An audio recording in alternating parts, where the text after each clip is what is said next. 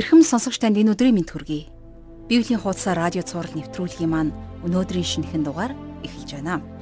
Тэгэхээр бид хамтдаа өнөөдрөөс эхлэн бидний эзэн Есүс Христийг маш ойроос дагаж байсан нэгэн дагалдагчийн бичсэн загтлыг судалж эхлэх болно. Тэгэхээр загтал нэг сонирхолтой үгээр ихэлсэн байдаг. Энэ бол өөрийгөө танилцуулахдаа бичигч Яаковын хувьд Есүс Христийн зарц гэсэн үгийг ашигласан байдаг.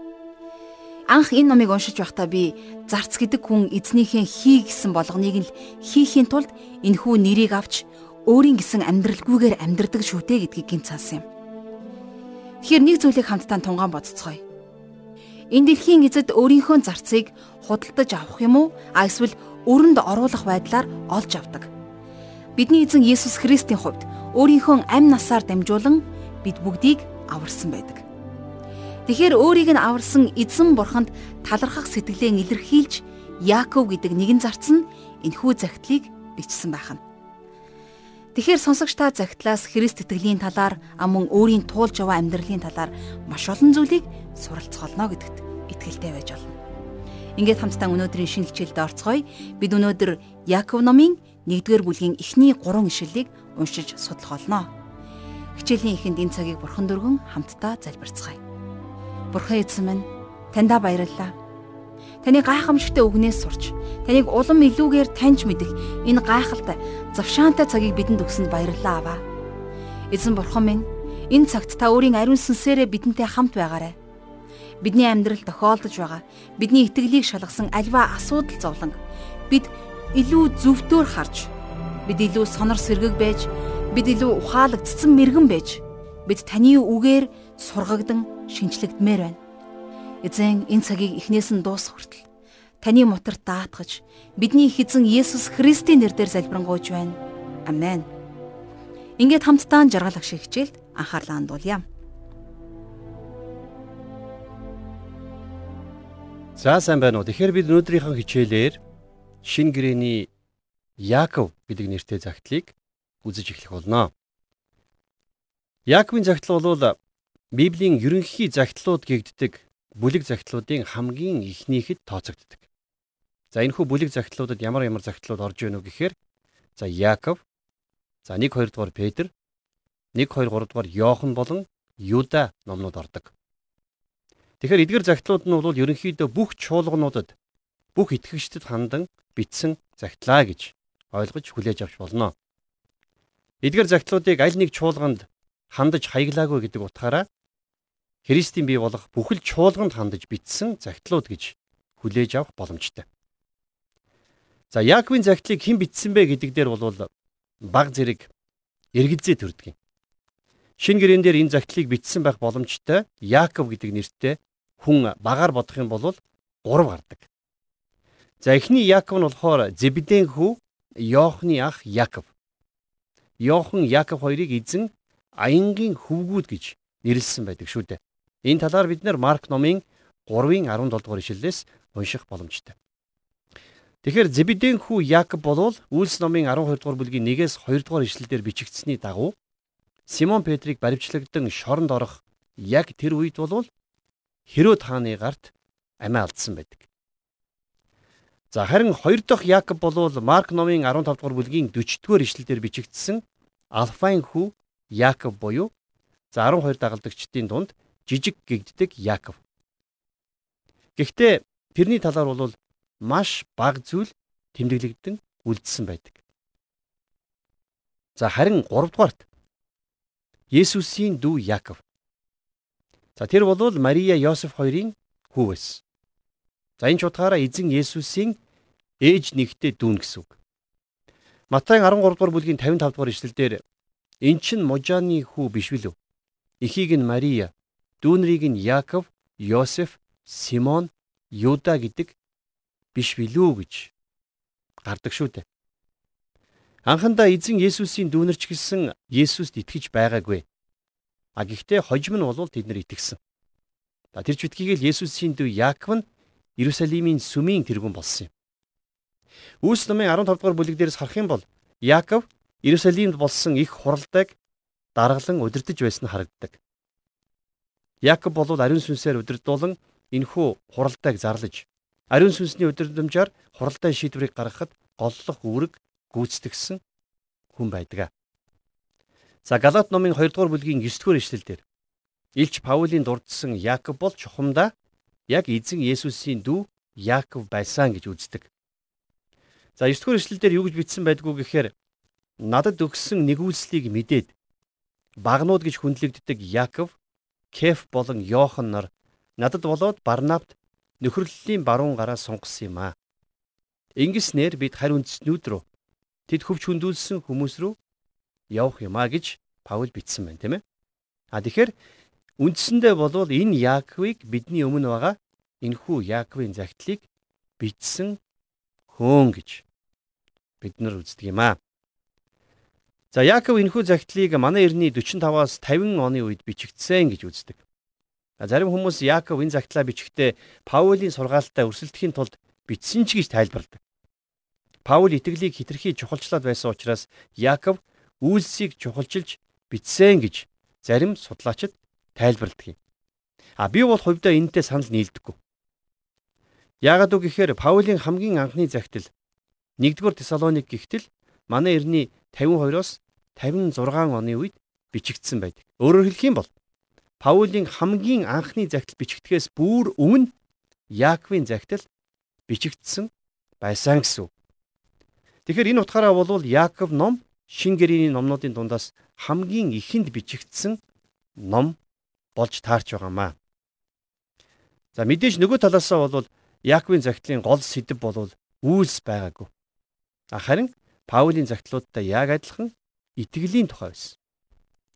А гэхдээ байна Яаков итгэлээс урган гарч ирдэг тэрхүү үр жимсийн талаар илүү түлхүү бичсэн байдаг.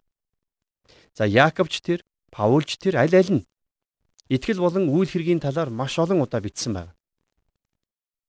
Паул Яаков хоёрын загтлуудаас бид нар итгэлээр зөвтгөхтэй холбоотой хоёр чухал ойлголтыг олж харах боломжтой байдаг. За эхнийх нь болохоор бид нар үйлсээрээ биш харин зөвхөн итгэлээр л зөвтгөгднө гэсэн ойлголт. Эфес хотынд бичсэн загтлынхаа 2 дугаар бүлгийн 8-аас 9 дугаар эшлэлдэр Паул бичгтээ.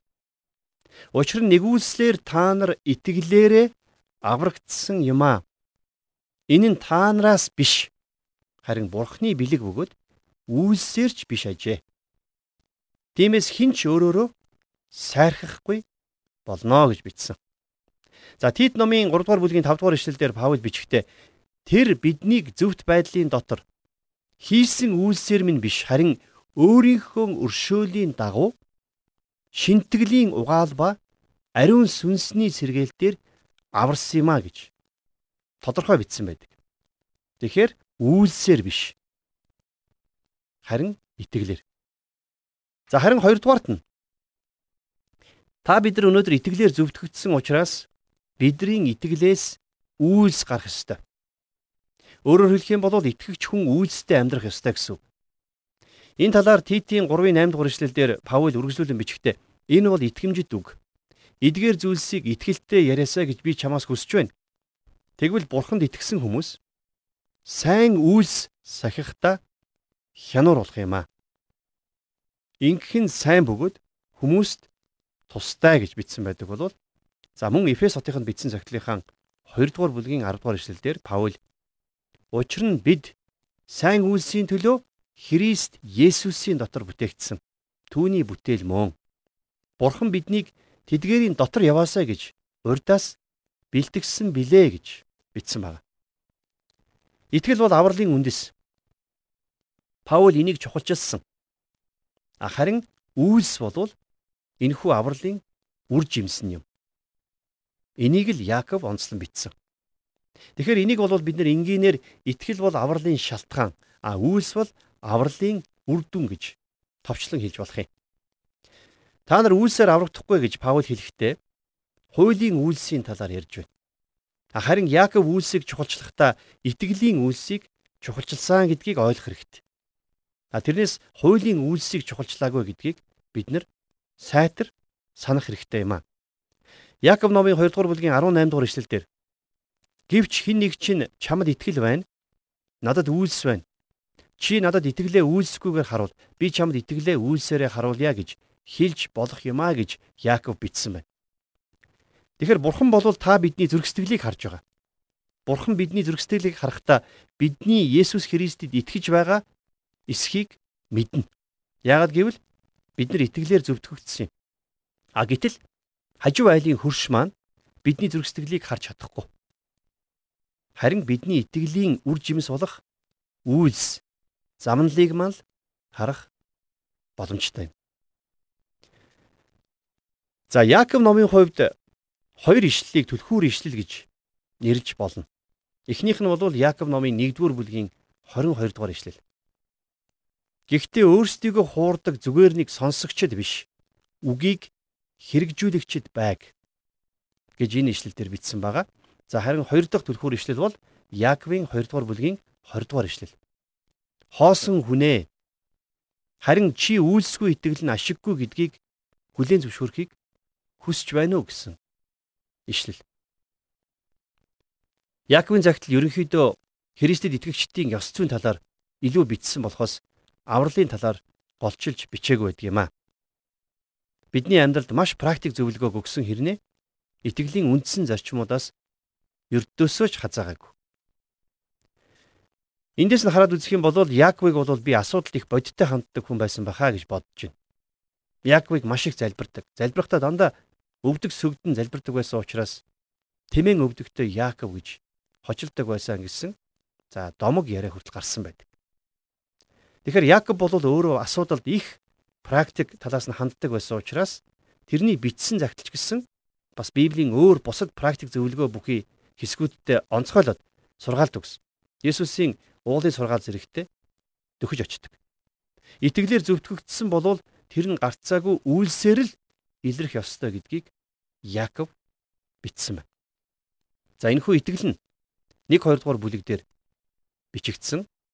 За харин үйлсийн тухай бол 3 дугаар бүлэг дээр бичигдсэний дагуу үг яриагаараа нотлогдох ёстой гэж Яаков бичсэн. За энэ хүү итгэл нь 4 дугаар бүлэг дээр бичигдсэний дагуу энэ дэлхийд нөхөрлөж байна уу үгүй юу гэдгээр нь За тэгээд цаашлах юм бол 5 дугаар бүлэг дээр бичигдсэний дагуу баян чинэлэг эд хөрөнгөнд яаж хандаж байгаагаараа энэхүү итгэл эцэст нь нотлогдсон харагдах болно гэдгийг Яаков ухуулан бичсэн байна.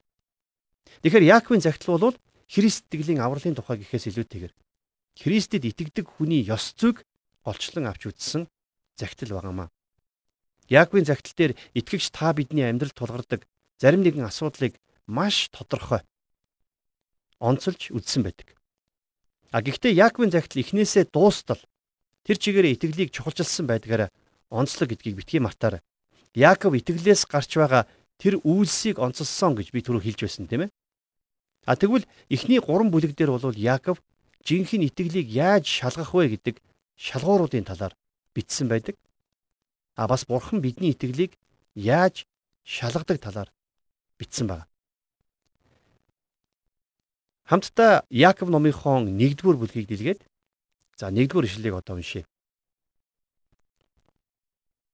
Бурхны ба эзэн Есүс Христийн зарц Яаков би харьд тархсан 12 овогт мэдчилж байна.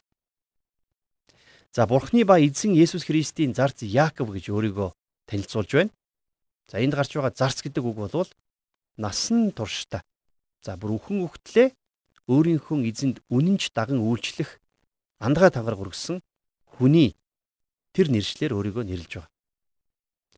Тэгэхээр таны хувьд ямар байхыг би мэдэхгүй. Миний хувьд лав хэрвээ би эзэн Есүсийн их нэгтээ дүүн байсан болвол загтлынхаа хаа нэгтээ энэ тухай магадгүй дурдах байсан байхаа. За мэдээж их даруй төлөв байдлаар хаа нэгэн газар нь илэрхийлчихэл байсан. А гэтэл Яаков ингээгүй байна тийм ээ. Харин ч тэр өөрийгөө Бурхны болон эзэн Есүс Христийн зарц боол гэж танилцуулсан байна. Тэгэхээр анхандаа Есүс Христийн ээж нэгтэй дүүнэр нь тэрнийг Бурхны хүү гэж мдээгүй. За мэдээж яагаад гэвэл Есүс тэднэртэй хамт тоглож өссөн. Есүсийг ямар хүүхэд байсныг тэд нар сайн мэддэг байсан. Тэд нар Есүсийг онцгой гэдгийг мэдэж байсан ч гэсэн энэ дэлхийг аврах аврагч гэж ердөөсөө төсөөлж бодог. Бидний эзэн Есүс энэ дэлхий дээр амьдарч байхдаа тийм даруй байсан учраас төрсөн дүүнер нь хүртэл Есүст ихэндээ итгээгүй. Тэгэхээр итгэгч та бидний хувьд ч гэсэн гэр бүлийнхэндээ хүрнэ гэдэг хамгийн хэцүү байдаг шүү дээ. А гэхдээ бид нар гэр бүлийнхэндээ заавал хүрэх ёстой. Яаковын хувьд тэр Есүсийг ээж нэгтэй ах гэдгээс гадна өөрийг нь аврах аврагч гэдгийг ойлгож итгэсэн байна. За ингэж тэр Есүсийн зарц боол болох шийдвэр гаргажээ. Эзэн Есүс Христ гэж Яаков дуудсан байна, тийм ээ. За эндээс харах юм бол Яаков Есүсийг миний эзэн гэж тунхаглаж байна. Есүс гэдэг бол Есүсийн энэ дэлхий дээрх нэр нь байсан. А гэхдээ Яаков түүнийг зөвхөн Есүс гэдгээр нь биш, харин Христ аврагч гэдгээр нь таних болсон. Энэ дэлхийн гим нүглийн төлөө амиа өгсөн тэр Месиа гэж Яаков Есүст итгэсэн. Тэгэхээр Есүс гэдэг бол зүгээр нэг нэр биш ээ. Харин энэ дэлхийн хүмүүсийг гим нүглээс аврах тэр зорилгын улмаас түүнд Есүс гэдэг нэрийг Бурхан өгсөн. За дараагаар нь хард тархсан 12 овогт мэдчилж байна гэж Яаков энд бичсэн байна. За эндээс харах юм бол байна. Яаков энхүү загтлаа Израиль дахь итгэгчдэд хандан бичсэн байна. Өөрөөр хэлэх юм бол тухайн үеийн Христэд итгэгч еврейчүүдэд хандаж бичсэн гэсэн үг. За үнэндээ бол нэлээд хэдэн жилийн туршид анхны чуулган тэр чигээрээ еврей хүмүүсээс бүрддэг байсан. А гэтэл еврей бус буюу харь үндэстэн хэдэн хүмүүс Христэд итгээд за тэгээд л Ромын эзэнт гүрэн даяар сайн мэдээний түүмэр ассан. Тэгэхээр энэ үйл явдал бол голчлон өнөөгийн Туркийн газар нутаг дээр болсон байдаг. За яг тэр газар нутаг дээр бол Баг Азийн 7 чуулган байсан. А гэхдээ энэ бүх үйл явдал болохоос өмнө бичигдсэн гэдэг утгаараа Энэхүү загтлыг Яков еврей итгэгчдэд хандан бичсэн болж таарч байгаамаа. Хард тархсан 12 овогт гэж хэлсэн байна тийм ээ. За зарим судлаачид Израилийн хаант улс хоёр хуваагдах үед Израиль болж салсан 10 овгийг бүрэн устж үгүй болсон гэж тайлбарладаг. Харин үнэндээ бол тийм байгаагүй. Бурхан еврейчүүдийг дэлхийд даяар тараасан уу гэвэл тараасан. Тэд нэр дэлхийн төв бүрээр тархсан. Өнөөдөр Оросдч, Хятадч, Япондч, Англи, Америк гэд хаасайгүй еврейчүүд амьдарч байгаа. А тэд нар бол тархан суурьшсан еврейчүүд. Тэгэхээр Яаковын хувьд тухайн үед тархсан байсан итгэгч еврейчүүдэд хандан энэхүү загтлыг бичсэн гэж ойлгож болно. За энд гарч байгаа мэдчилж байна гэсэн үгийг грек утгаас нь шууд хөрвүүлээд харах юм бол баяр хөргсөн утга гардаг. Өөрөөр хэлэх юм бол Яаков тэднийг баярлаж хөөрөхтөөн гэж уриалж байгаа санаа энд дагуулгадж байгаа юм. За Яаков бол их тийм чухал царайтай. За бидний төсөөлдөгчлэн тийм ширүүн дөрвөн хүн байгаагүй. Харин Яаков бол баяр хөөргийг мэдэрдэг хүн байсан. Тийм ч учраас Яаков ямар ч үед баяр хөөртэй байх тухай өгүүлсэн байна. За цааш нь үргэлжлүүлээд 2 дугаар ишлэлийг хамтдаа уншийе. Ах дүүнэр минь.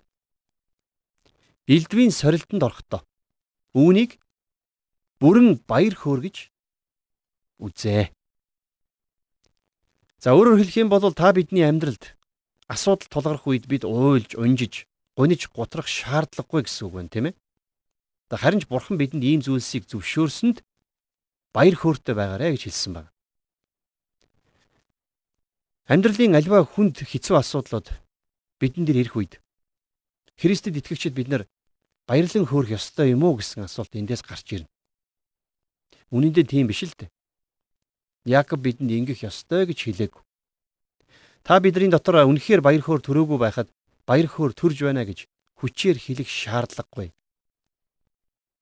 Өнөөдөр олон хүмүүс бурхнаас бидэн зөвшөөрсөн тэрхүү зовлонг шүд зууж байж давдаг.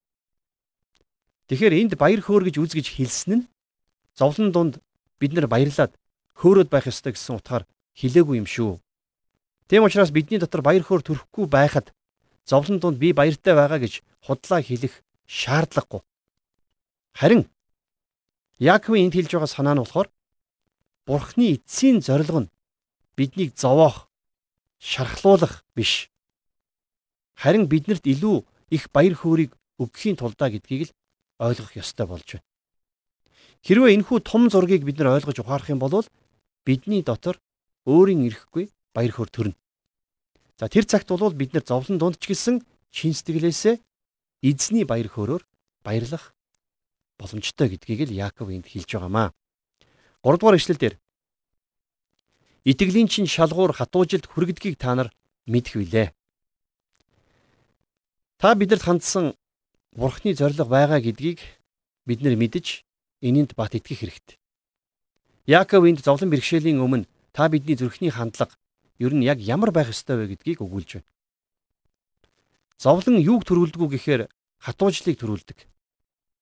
Еврей номын 12 дугаар бүлгийг харах юм бол Бурхан итгэгчдийн амьдралд нэг зүйлийг зөвшөөрдөг гэж хэлсэн байна. За юу зөвшөөрдөг вэ гэхээр сахилгажуулалтыг зөвшөөрдөг тийм ээ. Тэгэхээр сахилгажуулалт гэдэг бол өөрийн хайртай хүүхдийг хүмүүжүүлэхдээ хэрэгэлдэг арга шүү дээ. Хэрвээ цаана бидэнд хандсан сайн зориг байхгүй бол үнэхээр та бидний амьдрал тохиолдож байгаа зовлон, шанал, сорилт, шалгалтууд нь ямар ч утга учиргүй байх юм. Харин тэгтэл Библиэлд хэлэхдээ тэр бүхний цаана бурхны зориг байгаа гэдгийг тодорхой хэлж байна. За энэ зориг бол муу зориг биш. Сайн зориг. Ромын 8:28 дээр Паул хэлэхдээ бурхныг хайрладаг, түүний зорилгын дагуу дуудагдсан хүмүүст тохиолддог бүхий л зүйл эцэстээ тэдний сайн сайхны төлөө байдгаа гэдгийг бид нар мэднэ гэж хэлсэн байна.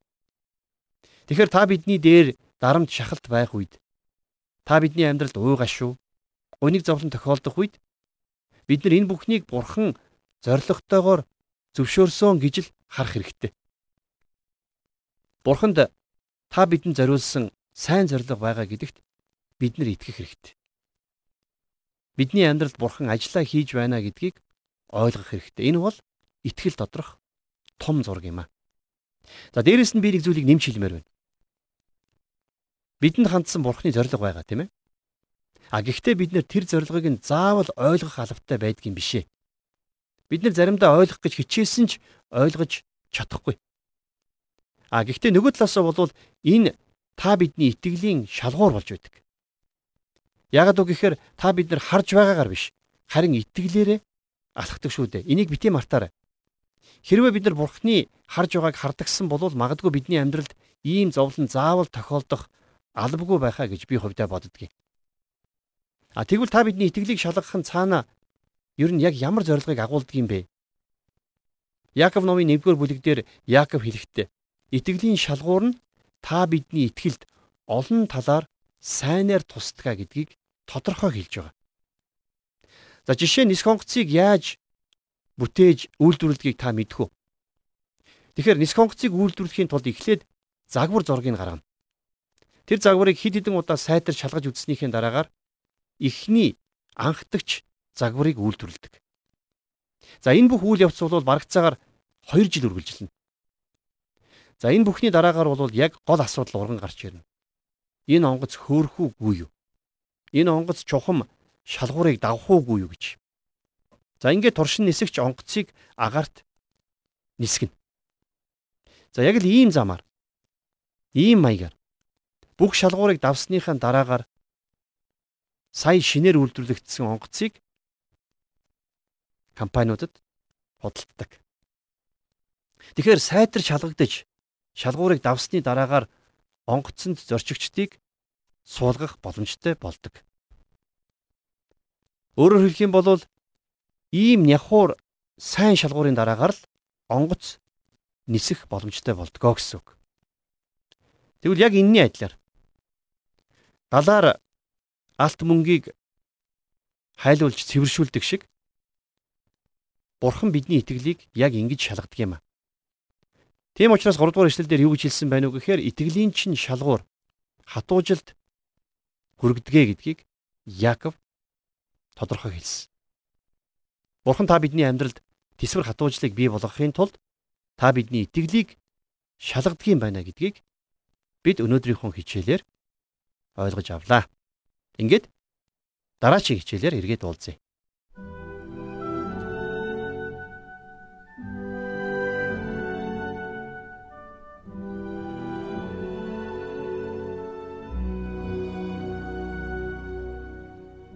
Тэгэхээр өнөөдрийн хичээлээр маш чухал зүйлийг бид хамтдаа сурлаа. Монголчууд зовлон ихсэхэд лам олширно гэж хэлдэг. Мөн өвчин ихсэхэд домч олширно гэж ярьдаг. Хүмүүс зөвхөн зовлон бэрхшээл туулж байхдаа бурханд итгэх талаар боддог нь ажиглагддаг юм. Шашин шүтлгүүд хүмүүсийн ийм хэрэгцээн дээр тулгуурласан байдаг нь ийм болов уу гэж бодож байна. Харин Христ итгэлийн хувьд бол тэрхүү зовлонг алга болгох биш. Харин түүнийг хэрхэн даван туулах тухай мэдлэг, дэсвэр, төвчээрийг заадгаараа ялгаатай. Яков загталдаан тархсан ахан дүүстэй гэж бичсэн нь хүмүүс хаанч байлаа гэсэн зовлон бэрхшээл тэднийг дагаж байдаг. Түүнийг даван туулахад хин нэгний зөвлөгөө хэрэгтэй байдаг гэдгийг бидэнд сануулж ойлгуулахыг ятгах байх шиг. Анх энэ захиа туглын арсан дээр мөн Египтийн зэгсээр хийсэн папирус гэдэг цаасан дээр бичигдсэн байж болох юм. Тэгээд хүмүүс гараараа хуулж бичээд эн тэнд байгаа тархсан ахан дүүстэй дамжуулж тарааж өгдөг байсан байна. Харин өнөөдөр Библи маш олон хил дээр хэдэн зуун сая хувь хэвлэгддэг гэдгийг хэлж байгаадаа үнэхээр багталтай байна. Хичээл маань энэ хүрээд өндөрлөх гэж байна. Хичээлийн төгсгөлд Билли Грэхэм пастрын хэлсэн Христ итгэгчдэд тохиолддог асуудлын бараг 90% нь Библийг уншаагүйгээс тохиолдог гэсэн үгээр өнөөдрийн хичээлээ энэ хүрээд өндөрлөе. Яков номоор аялах энэхүү аяллыг маань эзэн бурхан өрөөж өгөх болтугай гэж хамтдаа залбирцгаая. Бурхан Аава таньда өнөөдрийн хичээлийн төлөө талархал магтаалыг өргөн залбирч байна. Үнэхээр бид амьдралдаа тохиолддог асуудал бэрхшээлийг харахтаа бид зөвхөн таны нүдээр олж харахыг хүсэж байна. Та бидний сүнсний нүдийг нээж өгөөч. Альва зовлон бэрхшээлтэй нүүр тулахдаа энэ асуудлаар дамжуулан бидний амьдралд хийж байгаа таны гайхамшигтай ажлуудыг олж харахад бидэнд туслаарай. Өдөр болгон таны хүслийн дагуу амьдрахын тулд ариун сүнсээрээ та өдөр болгон биднийг удирдах өгөөрэй. Их эзэн минь, эх өдрүүдийг маань, эх он жилүүдийг маань та өөрийн ивэл таалалдаа багтаагаарай. Бүх зүйлийг танд өргөж, бидний их эзэн Есүс Христийн нэрээр залбирanгуйч байна. Амен.